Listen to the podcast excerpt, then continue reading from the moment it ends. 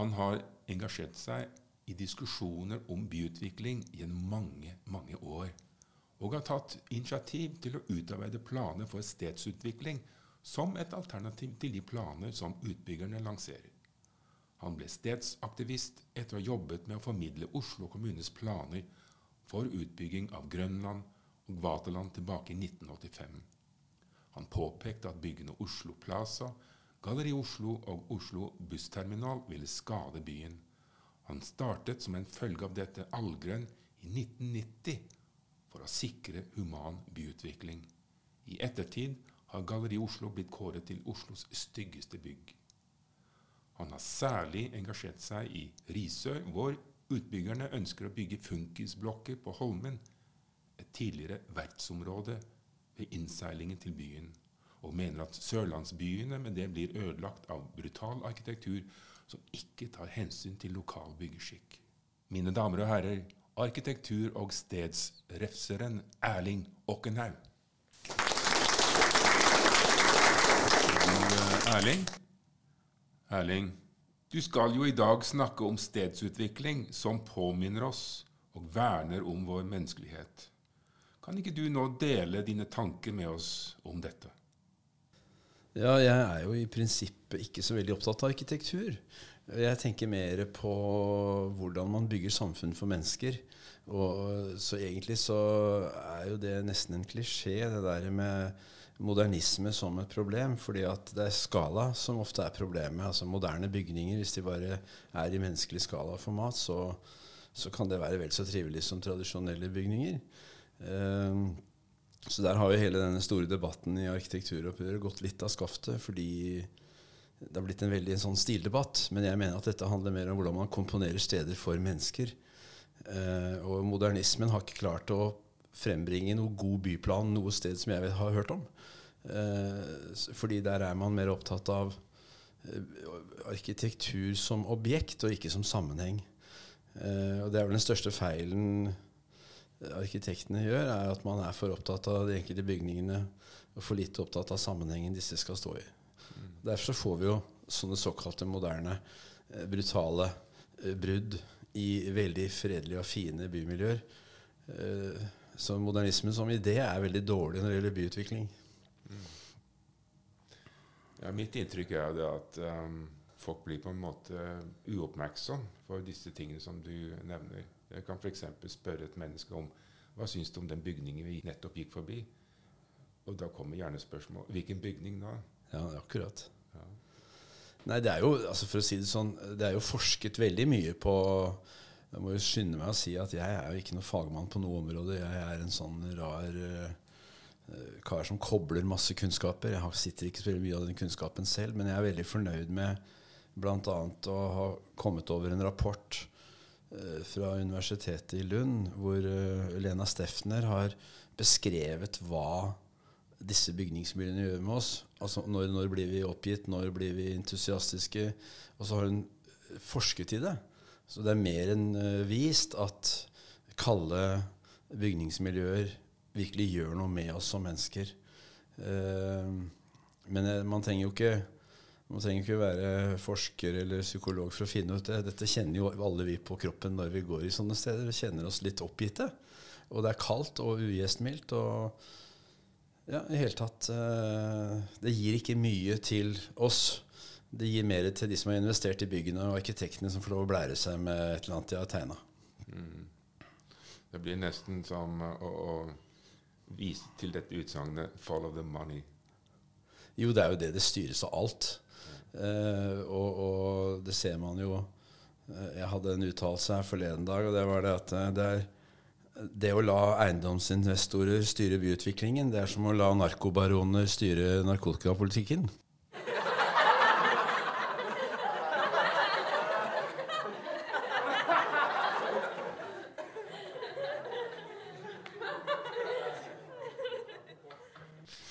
det er omtrent på det nivået.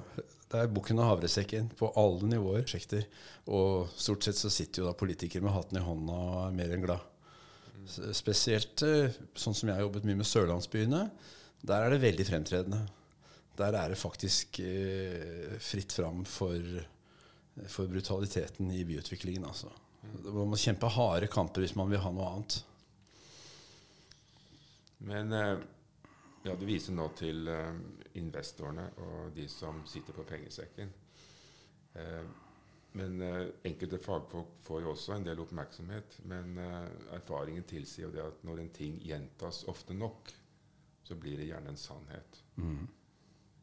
Så det som blir sagt og framført, det, det blir på en måte godtatt av, av den jevne mann. Jeg tror mye av hovedgrunnen til at det blir så dårlig, er at man velger minste motstands vei og hurtigste vei til mål. Eh, sånn at eh, når, eh, når eh, utbyggere Hvis utbyggerne hadde skjønt at hvis de hadde bygget virkelig kvalitet, så hadde de også bygget en større verdi og et eh, mer salgbart produkt, rett og slett. Men det kommer vi til å se nå, når det er litt sånn krise i, i eiendomsutviklingen, at eh, nå vil jo folk hvis du kan velge nå, da For å si det sånn, det er vel, altså I Oslo så er det jo alltid aldri nok boliger, så men her vil det jo ikke være noe problem. Og det er jo litt av problemet med Oslo er jo det at man kan bygge Man kan bygge Man får solgt det man bygger, uansett åssen det ser ut. Eh, sånn at det er ikke noe krav til at noe skal være ålreit. Det ser man jo veldig på de nyutviklede områdene som Løren og disse stedene, Kvernebyen og sånt der, som er, det er ren Jeg kaller det ikke arkitektur, jeg kaller det spekulatur.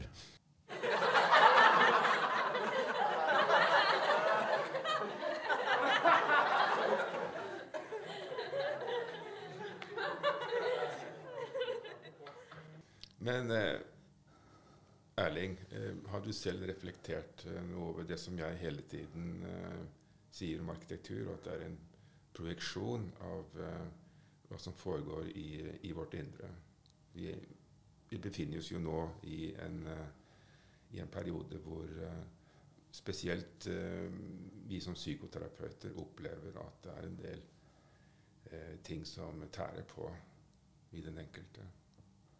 Jo, det er eh, Jeg har ikke gått så dypt inn i det. Jeg har mer sånn jeg, jeg, jeg bruker mer i det uttrykket at jeg har på følelsen av Altså, jeg kan ikke begrunne noe sånn rent uh, mest spesielt. Nå er jo du også tidligere kan vi si, tidligere arkitekt, så når du stiller det spørsmålet Jeg syns i grunnen på en måte uh, Jeg syns arkitektur er uinteressant. Ja. Altså, jeg tror rett og slett at det er når man syns det er interessant, så så legger man for stor vekt som jeg sa i sted, på objektene og for lite på sammenhengen.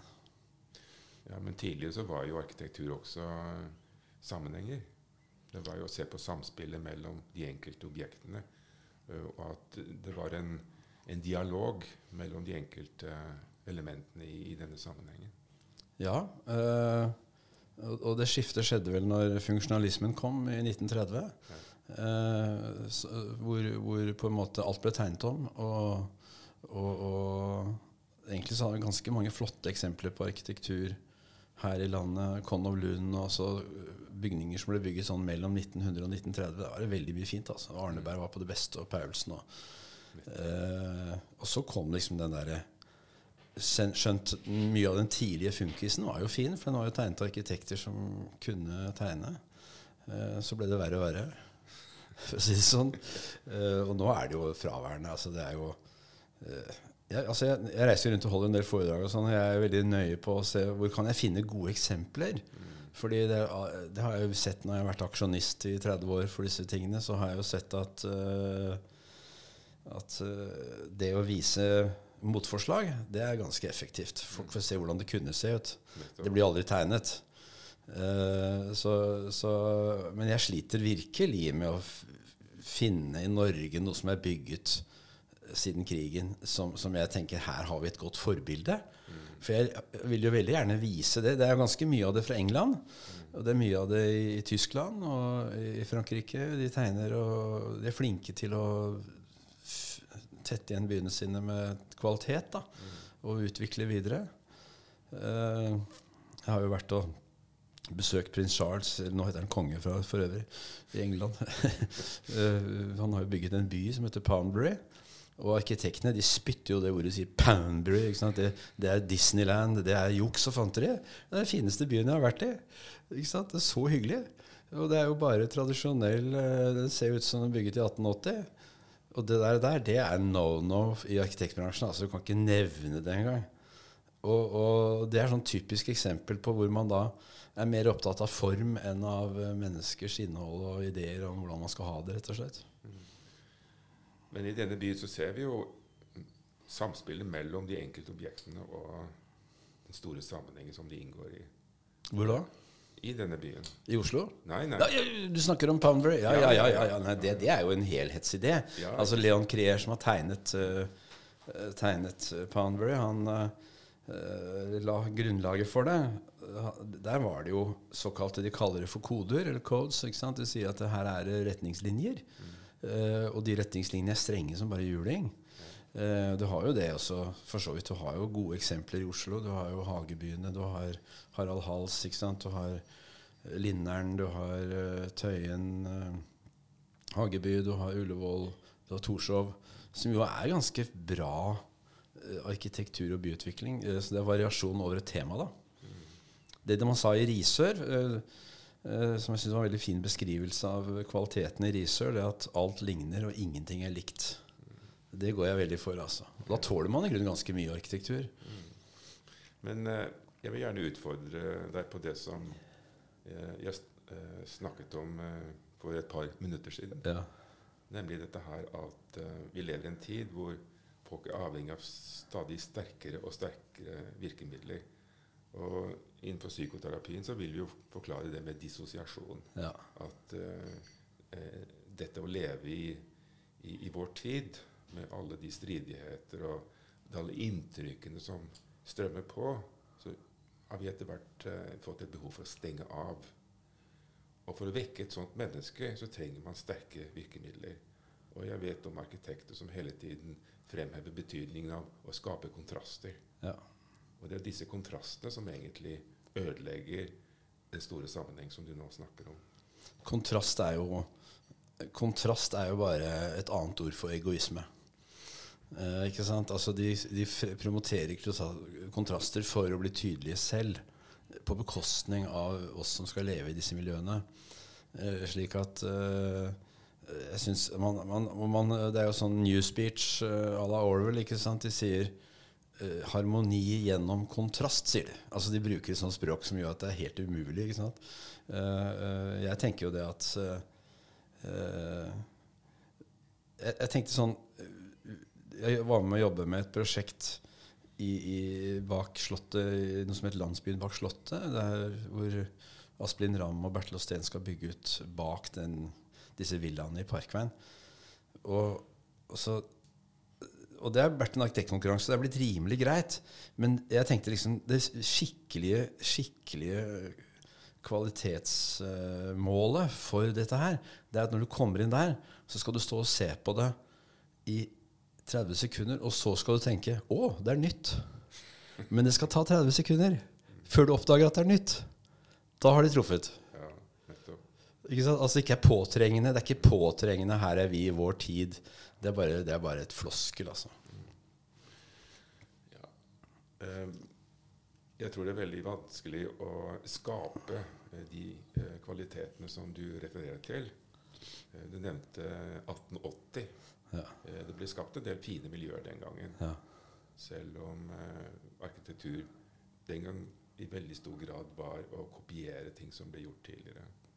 Ja, du har jo murbyen Oslo, som jo var inspirert fra, fra Tyskland, fra Berlin. Det var jo fantastisk altså, at hele Oslo ble bygget Alle kvartalstrukturene i Oslo ble bygget over en 20-årsperiode. Mm. Enormt. Altså Grünerløkka, Frogner, alt det vi kjenner av kvartalstruktur, ble bygget omtrent på samme tid. Og det var jo mer byggmesterstyrt, har jeg inntrykk av. Uh, det er ålreit. Altså kopi er ikke noe problem, så lenge du kopierer noe som er uh, hyggelig.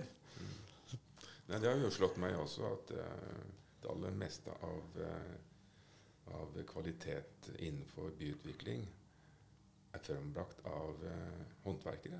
Ja. Og at det ikke har vært noen arkitekter inne i bildet i hele tatt.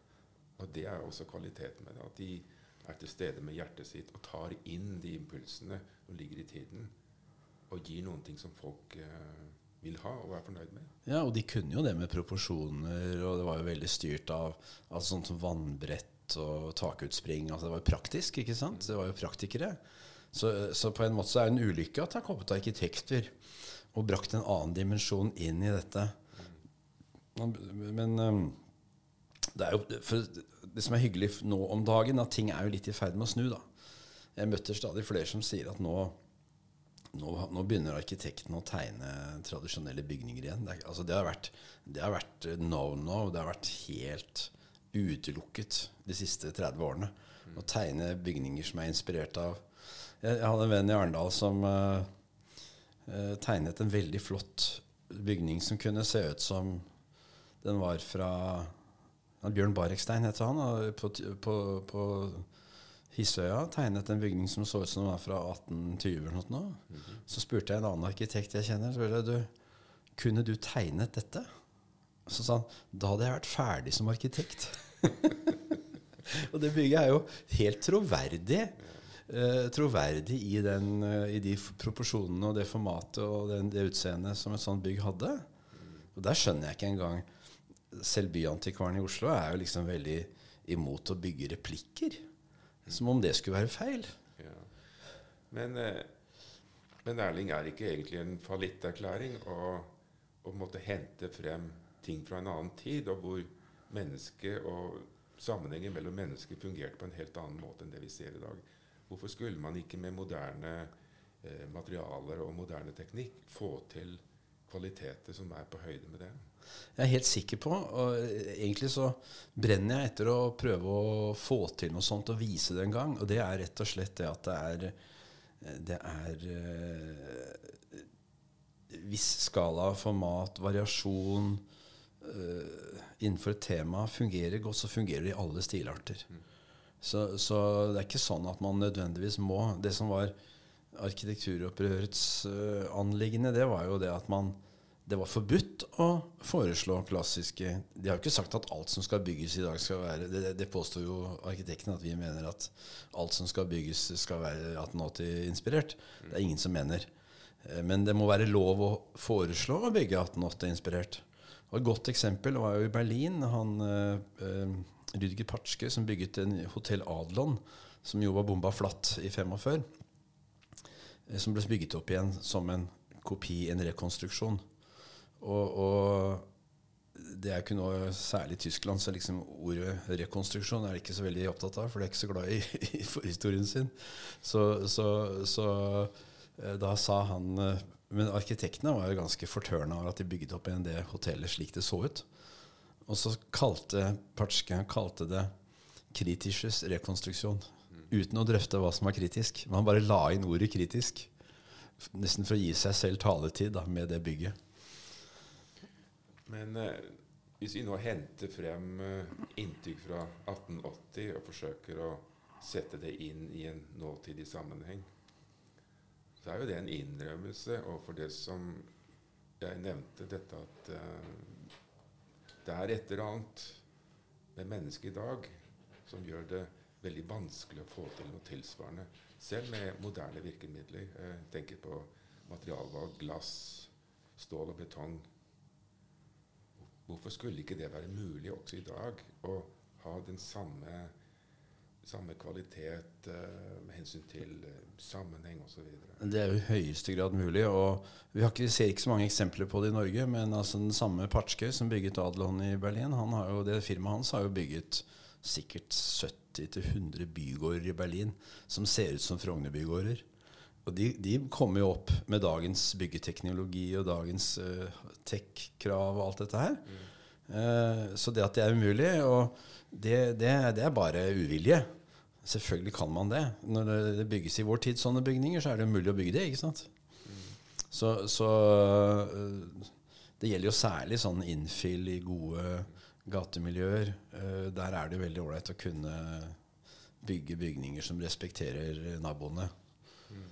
Um, så Nei, det er, uh, det er en interessant Det der er en interessant diskusjon, for å si det mildt. Ja, det er absolutt. Uh, for det må jo være mulig for uh, mennesker i dag å uttrykke den samme evne til å leve i sammenheng som vi så tidligere i historien kan man si at det er vel sånn at det også er et underskudd på demokrati i dette her i samfunnet vårt. ikke sant? Slik at folk er jo fremmedgjort i forhold til å bry seg Det har jo jeg sett, som har turnert rundt i 40 år og, og vært bråkebøtte i 40-50 norske byer. Og vært på paneldebatter og møter, ikke sant. Og folk er ikke på ballen. Altså de er, det, er de, det er ikke noe de forholder seg til. Og Derfor er det selvfølgelig lett å gjennomføre politisk uh, dårlige utbygginger rundt omkring. Fordi folk har ikke ja, Jeg vet ikke hva grunnen er, ja, men jeg pleier å si det sånn at uh, harddisken er full. Altså, vi har så mye ting vi skal forholde oss til i vår tid. Og det er ikke plass i huene våre, rett og slett. Nei. Eh, og, og, da er vi tilbake til dette jeg nevnte, dette med dissosiasjon. Ja. Det betyr jo egentlig at vi ikke lenger sosierer oss med. Ja. At vi ikke lenger forholder oss til Nettopp. det som omgir oss. Eh, Pga. det som du sier, at det kommer så uendelig mye inntrykk på oss. Og veldig mange av disse inntrykkene er jo samtidig også truende. Ja, Én ting er det visuelle, så har du jo alt som går på, på sosiale medier og oppmerksomheten som blir trukket inn i den lille iPhone-skjermen. Altså, vi er jo helt, Det er jo ellevilt, egentlig, det som foregår nå i forhold til bare for veldig få år siden. Vi er jo så fjerne. Alle er fjerne. Ja, folk sitter med mobiltelefonen på trikken. Ja, ja, ja. Altså I ni av ti tilfeller. Jeg gjør det sjøl. Jeg, jeg, jeg, er addict jeg, altså, på det der mediet der. Men det er jo fordi jeg liker kommunikasjon. da. Ja. Og jeg kan liksom smelle til med noen setninger. Jeg har jo alltid gjort det. Så jeg, for meg er det jo en fin arena. da. Men jeg, er i aller høyeste grad for uh, sugd opp av det mediet selv. Men det inntrykket av disse ni som sitter og stirrer ned i mobiltelefonen uttrykker jo nettopp det som er tema i, i denne diskusjonen, ja. nemlig at man blir isolert fra hverandre. Ja. Og det blir også byggene i en urban sammenheng. De blir isolert fra hverandre. Og dermed så vil den sammenhengen som du etterlyser, mm. den vil utebli. Jeg hadde som arbeidstittel på den boken som jeg ga ut med Ulf Andenes, som het 'Arkitekturoppgjøret', da hadde jeg som arbeidstittel 'Sted eller arkitektur'. Uh, som også for så vidt var en god tittel, for det handlet om nettopp det er det stedet eller er det arkitekturen som skal trumfe hvem skal trumfe hvem. Uh, nesten alle arkitekter jeg snakket med, sa du kan ikke si det. For, uh, så tenkte jeg nei, men jeg kan si det, for jeg er ikke arkitekt. Nå ble det ikke den tittelen, for jeg syns arkitekturoppgjøret var vel så grei tittel. og det var jo veldig interessant å si litt om det. at Boken til Ulf ble jo lansert i august. og, og det har vært utrolig varierte reaksjoner, altså. Og de mest uh, hårnakkede modernistarkitektene, de er jo kjempefornærma. Og, og, og, prøver på alle mulige måter å finne ut hvordan de kan kritisere denne boken uten å ha noen gode argumenter. Uh, mens derimot uh, folk flest da, har endelig fått liksom forklart ja, hvorfor gikk det så galt. For Ulf er jo historiker, så han har gått grundig inn i hele han har gått grundig inn i hele historikken og tatt det fra ja, solid. Problemet med sosiale medier og arkitekturopprøret på Facebook og sånne ting er jo det at det er veldig fort gjort å slenge ut noen sånne verbale finter uten at det er noe særlig innhold i det. Alle, det er jo det vi blir lokket til å gjøre. Eh, så, så det trengtes jo en sånn grundig gjennomgang av hva dette egentlig er for noe. Og det syns jeg vi fikk til, det. Ja. Men jeg syns jo eh, i alminnelighet at arkitekturdebatt foregår på et veldig overfladisk plan. Og Derfor er det også interessant å gå inn i dette med uenighetskultur. Ja, jeg, jeg, jeg, helt, jeg, tenker også det at hvordan takler man å være uenig? Det er en ganske vesentlig sak. Jeg, tenker jo sånn at uh, jeg anser meg selv for å være en slags diplomat i dette spillet. Fordi jeg, kan forstå altså Jeg tror at det er ikke noe, det er ikke noe vits å ha svære fronter mellom arkitektene og alle som vil noe annet. Det er mye bedre å finne ut jeg hadde møte med en arkitekt forleden dag som jeg har vært veldig uenig med i det meste. Altså, han syns han har vært en ganske håpløs modernist, egentlig. Men så sa jeg jeg vil gjerne ha en prat med deg. Og så sa jeg at du, nå, nå, skal vi ta en samtale hvor vi bare skal snakke om det vi er enige om. Vi snakker ikke om det vi er enige om. For det, det gidder vi ikke. Og så fant vi ut at 70-80% av problemstillingen innenfor byutvikling var vi enige om. Og, og, det var jo et mye bedre utgangspunkt når jeg sa til han du er en gæren modernist. Jeg, jeg liker ikke det du lager. Altså, det er ikke noe utgangspunkt for å diskutere. Vi fant ut hva vi var enige om, og dermed så øh, Og det var jo selvfølgelig i hovedsak at dette er styrt av penger og øh, Ikke sant? At, at det er på en måte Det er ikke samfunnets fellesgoder man driver og produserer, det er ren spekulasjon. Og der jo, der har jo jeg utfordret arkitektene i alle år. For jeg har sagt at arkitektene er jo den faggruppen som på en måte kunne komme med alternative tanker i dette spillet. Det har de ikke gjort. Og de har løpt og gjemt seg, og, de har, og det er selvfølgelig fordi de er 70-80 av alle jobber de gjør, er jo å være løpegutter for kapitalen. Og kom ikke her og kall deg kunstner hvis du bare kompromisser med alt rundt deg fordi du skal tilfredsstille kunden din. Da er du ikke kunstner, altså. Ekte kunst er kompromissløs. Og det er veldig få arkitekter som har vært kompromissløse. De har jatta med for å få jobben, for å få penga.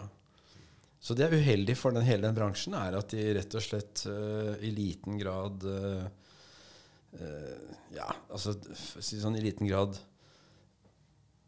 hadde gått Jeg har jobbet som informasjonsrådgiver for fire-fem fagforbund i helsesektoren. Og jeg kunne tatt med meg liksom ideene derfra til arkitekten og sagt at ja, men dere kunne liksom bare Det er jo dere som er sjefen for hvordan det ser ut rundt oss. Så kan dere skylde på utbyggere og politikere og alle andre, men det er dere som er fagfolka. Så dere kunne representert det miljøet som da øh, skal jeg si for noe, kom med de gode alternativene. Men når du blar i arkitektbladene, så er det jo en hyllest til den ene svære kassa etter den andre. På rekke og rad. Det er ikke én kritisk stemme. Er det noe mer du ønsker å tilføye før vi avslutter? Nei, jeg syns det ble en uh, hyggelig, spontan samtale, dette her. Uh, Jørgen, så, så Nei, jeg, jeg håper uh, jeg håper jeg har guts til å fortsette å herje som jeg har gjort. Mm. Vi kan jo komme tilbake til andre vinklinger på dette problemet. Jeg skjønner jo at du som terapeut og arkitekt på en måte har en mer sånn skal jeg si for noe sånn Hva skal jeg kalle det? da, En sånn intellektuell tilnærming til dette enn det jeg har. Jeg er mer sånn praktiker. jeg er sånn så, Men det at jeg veit at sånne som deg fins, og andre som er Jeg kan jo bruke det i mitt nettverk. Mm. Ok, da sier jeg takk til lærlingen. Fint. Hei.